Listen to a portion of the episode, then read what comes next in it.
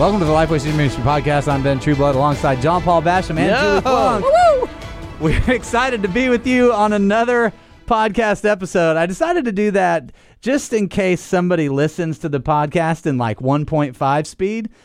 Just to test and see what it would sound like.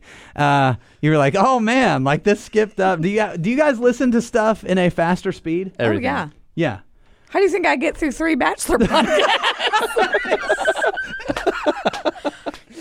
You got to. I uh, what's what speed do you go at? It depends on what it is. Okay. With a lot of audiobooks, I do 2x. Two? Yeah. You get used to it after you listen for a little while. But for stuff like, so I'm doing the Bible recap podcast. Well, I'm not faithful to every day. So sometimes it's a couple of episodes at a time, but that is so content rich Yeah. that I can't go more than 1.5. Okay. So, but 1.5 is like your normal speed. Yeah. I feel like listening to something like the way that they say it just Yeah. feels like it's just dragging on. I'm definitely 1.5. That's my As a normal. Yeah. I I'm can a- sometimes get to two, but not very often. Yeah.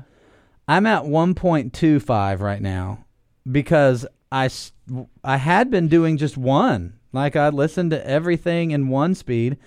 And we were at a family gathering, and Kristen's brother listens to things at 3x. and he has uh, he has some vision impairment stuff that he it's a lot better now than it used to be. But when when he was like really vision impaired early on in his life, he would listen to books. Like that's how he functioned with that.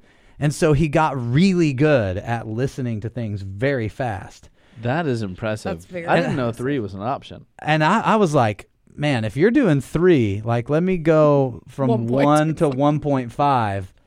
And it was too fast. You just mm-hmm. need a little time in it. It's like a muscle. You It may work have also been the the content. Too. Yeah. Like it, that that whatever I was listening to may have Mm. been just like I can't handle this. You know, like a leadership book, they're going to say the same things 12 times. they are. So it's like, man, if you didn't catch it the first round, it's going to be said you'll again. see it again in a Yeah. couple seconds. Yeah. So, uh, if you're listening to this podcast at an, an increased rate of speed, then the first 10 seconds was a real gift to you. uh, and I want to encourage you to leave a rating and review. We sure would appreciate that. Thank you for listening to the podcast. It is an honor to be able to do this for y'all uh, every single week. So, thank you. Let us know how we're doing. Um, and we would we'd be glad to adjust course to be able to serve you better. Um, you can find us on Twitter at Student Ministry. Uh, you can find me personally at Ben Trueblood, and then at John Paul Basham. Julie, I don't know that I know my handles. Is that awful? I think it's at J Plunk. there you go. There we go. Yeah. So you can find all of us on the social medias by that. Okay. We are in it with the topic today of how to create culture. I'd like to say, as we start, that it's so much easier to create culture than to change culture. Like if you're in a place and you are having to change the culture from what it is to something else, that's way harder than mm. just creating something new. And the vast majority of people, I would wager, that are listening to this are in the changing, like the new culture that you're trying to start means that you're having to walk away from something that was in the old culture or many things and mm. transition a group of people who are used to something into getting used to and loving something new. Man, that's so hard. And so I just I want to affirm the journey that all of you as student pastors and student ministry leaders on the work that you spend in developing culture is worth every moment. So don't stop. Like spend the time on it. I know it's difficult. We're going to talk today about some things that uh, that you can do to help develop culture, but don't neglect it because if you as the leader ne- neglect culture, it will develop itself, and it will develop itself rarely to what you want it to be. So don't neglect it. Every moment that you spend in it is worth it. And I, would just kick off the conversation by saying th- the the way to develop culture, one of the ways to develop culture is by spending a lot of time with the people. Because it, it, culture doesn't just exist in your mind. Culture actually happens as what you're trying to do lands on the people, and then they interact with it. And the only way that you're going to get a handle on their interaction with that, with your vision and mission and your values, is to interact with the people enough so that you can train them and speak to them and, and get it in them first. Hmm. This is one of those more caught than taught Absolutely. things. Not to say that you have to teach it. It's you have to if you're if you're making some significant culture changes, it has to be expressed, has to be explained clearly. It needs to be posted everywhere that you can post it so people are reminded of it and all of that. But it's like you said that living that out in front of them and then seeing how people are trying to live that out and coaching them in that and showing them how you might approach that different i think is one of those places where you just have to walk that out in front of your people for them to see oh that's how that works this is one of those things if you haven't listened to the episode with ryan mcdermott you need to go back and listen to that Yeah. because he is a culture shaping uh, pro Yeah. I I didn't know until we did that podcast with him. But he has done a ton of that work to just live that out right in front of his people and model it well. Yeah. I think it's also important to note that when you're creating or changing culture, it always starts from the inside out. So you're talking with your leaders first. And first of all, you're figuring out uh what you actually want, what you want your culture to be, and spend some time in that. But you've got to get your leaders on board first and foremost before you try to just roll this out with all your students. So I think it's really important to get that buy-in and vision cast as good as you can before you just post your new values or whatever you're trying to do with everyone. So it's this podcast is also very timely, and I hope I'm allowed to say this because Lifeway as a company is experiencing new Yeah. culture. We got um, Ben Mandrell as our new president a few months ago, and uh, after Dr. Rainer retired, and he has done a great job of introducing um, a new culture to us, and he's he's just done some really incredible things, transitioned our our workplace and the employees really well through this new phase of Lifeway. Yeah. Yeah, I agree. This is a fresh thing for us. Uh, you know, and Lifeway's been around since 1890.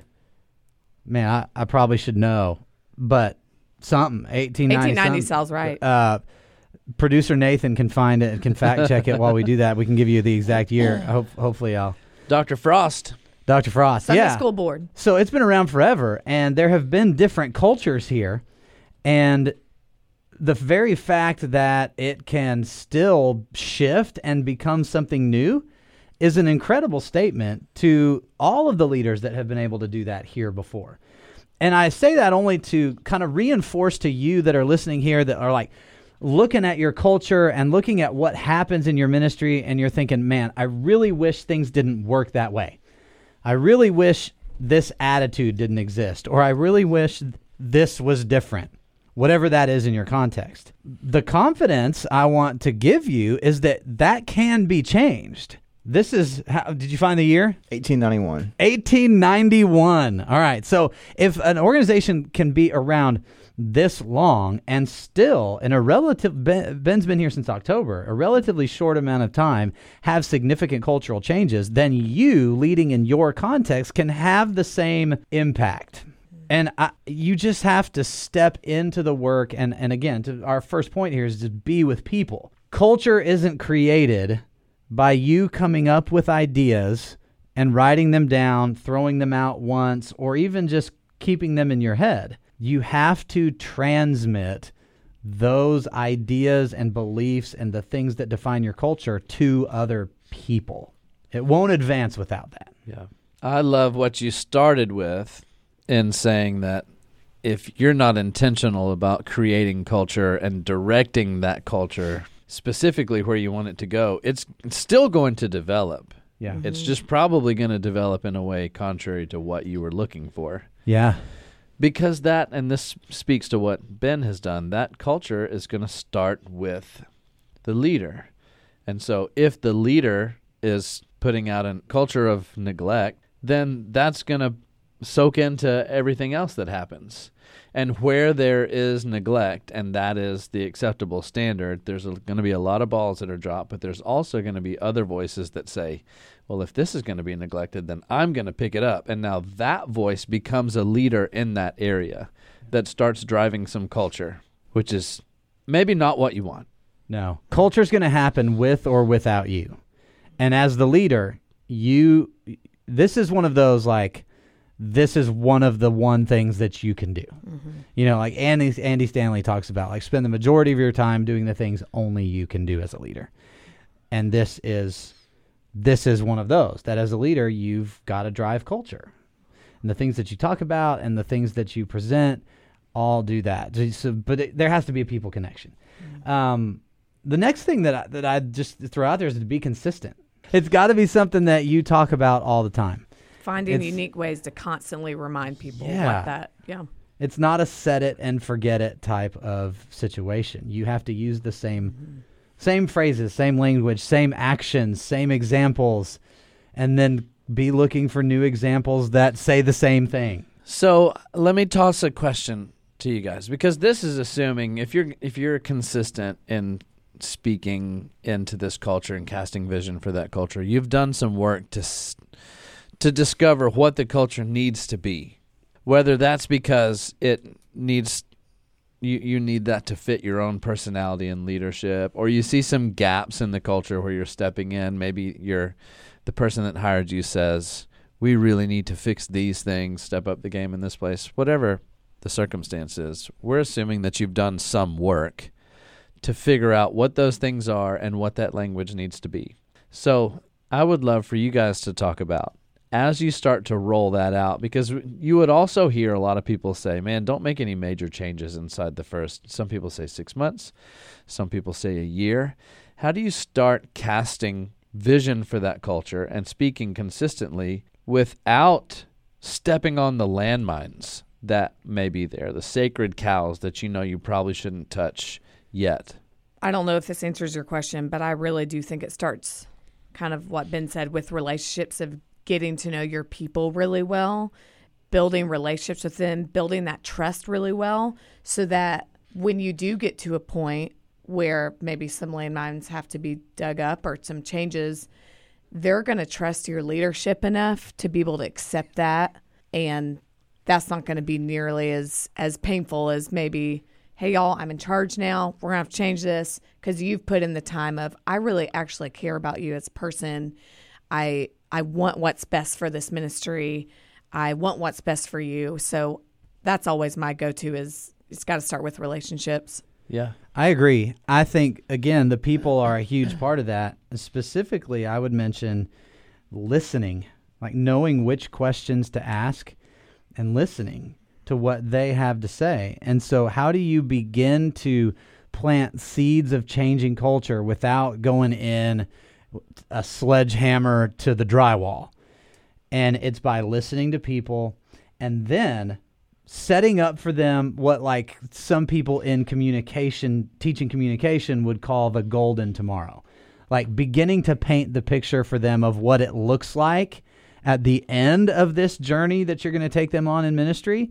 Paint the picture for them. You don't have to fill in all the gaps in the middle. You'll do that as you begin to roll out your culture but as you listen you'll find out okay what do these people love what do these people not love where are they spiritually? Because something that they may love needs to change Right. based on where they are. And if you hammer their drywall right away, th- they're not going to be happy about it. Mm. So you've got to you've got to ascertain that information. And then what I what I love is ask them what if questions. So listen, get their feedback, find out what they love, find out what they don't love. Hey, what if this started to happen in our student ministry? Because you you know like you know where you want to go. What if this started to happen in our student ministry? Oh man, that would be fantastic. And so by using those what what if statements, you can begin to paint a picture. That way when you roll out the culture changing components, it matches with the picture that they've already embraced in their mind as man, I want to I want to follow this person because I want to see what that picture looks like. Like I want to Yeah. get there. So then, if you have to change something they love, they already love the picture as well.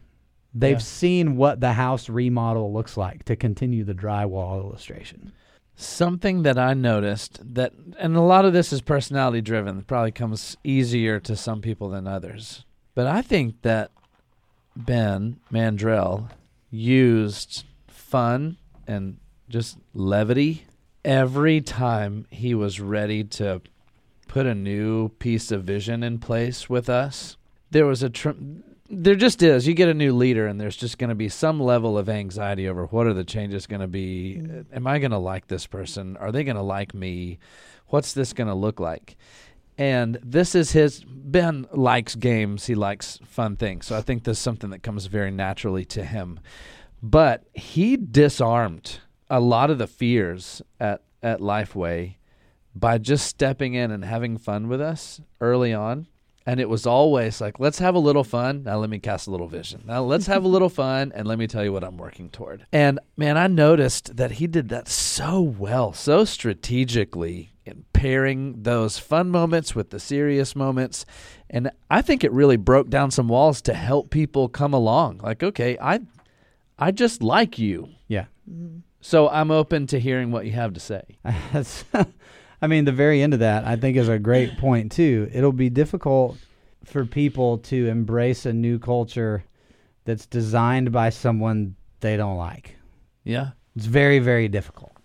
Almost impossible. Yeah. So here's a follow up question. How do Um, you get people to like I don't know that one. what's the, the Dale Carnegie book? Yeah.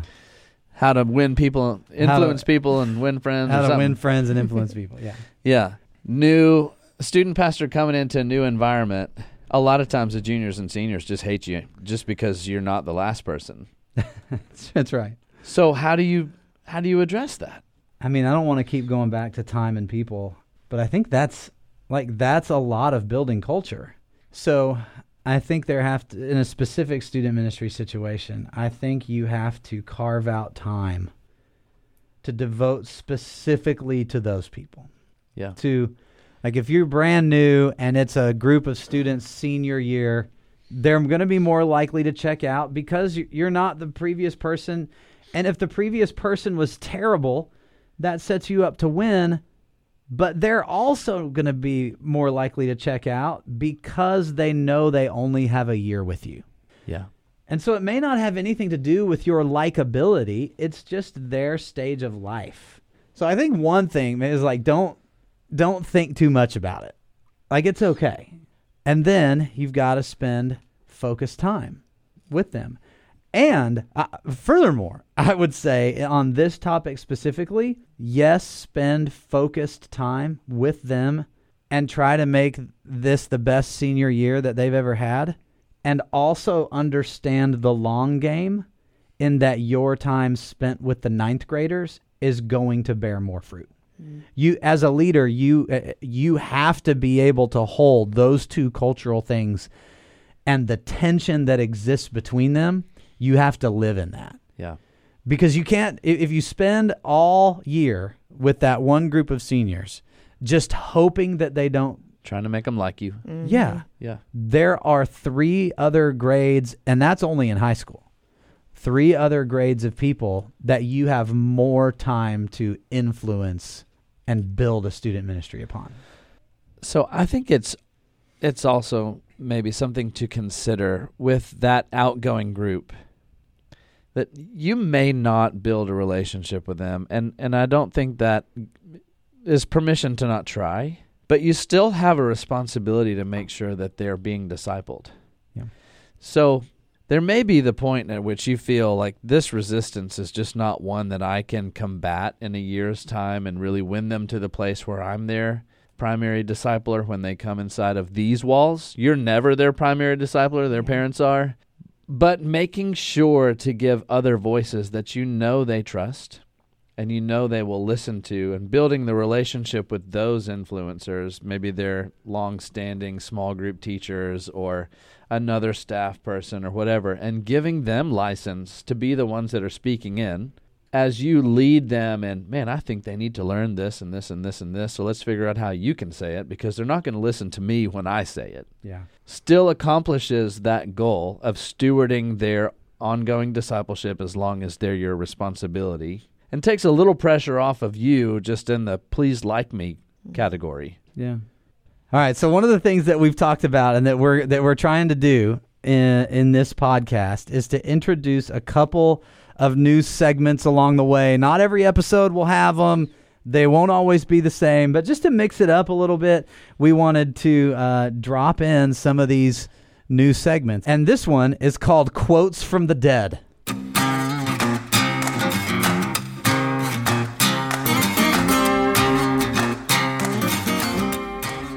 It's a good practice for us to read things that dead people wrote when they were alive.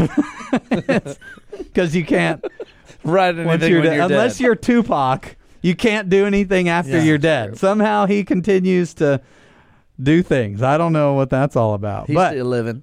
He's, that's right. So, with that, quotes from the dead this time comes from Charles Spurgeon, and it is this Wisdom is, I suppose, the right use of knowledge. To know is not to be wise. Many men know a great deal and are all greater fools for it. There is no fool so great a fool as a knowing fool, but to know how to use knowledge is to have wisdom. That's a wordy one, Charlie. Yeah. Chuck, I was Chuck overwhelmed by that. don't listen to that one in 1.5. You're going to have to go back. And, uh, but here's the point just having knowledge isn't good enough. You've got to put the knowledge into action. I feel like that's how he'd say it if he was alive today. yes. Um, Fools know stuff, wise people know stuff and act on it. Well, I think it fits into the culture piece because culture is not structure, and a lot of people think that changing the structure is changing culture, but that's not changing culture at all. So, so many people come in and they say, "Okay, we're going to change up how what times we're doing what, and this and that changes my culture." That's what people get mad about is because you're changing things that are Yeah. quote unquote more traditional. So, wisdom is knowing, like you said, how to have those conversations to really figure out what are those cultural pieces like in that podcast from Ryan McDermott when he created those house rules about like we are worshipers, we are note takers, like that changes culture. Yeah. He's not just going in and revamping what the student ministry looks like. Right. The revamping comes on the tail end Right.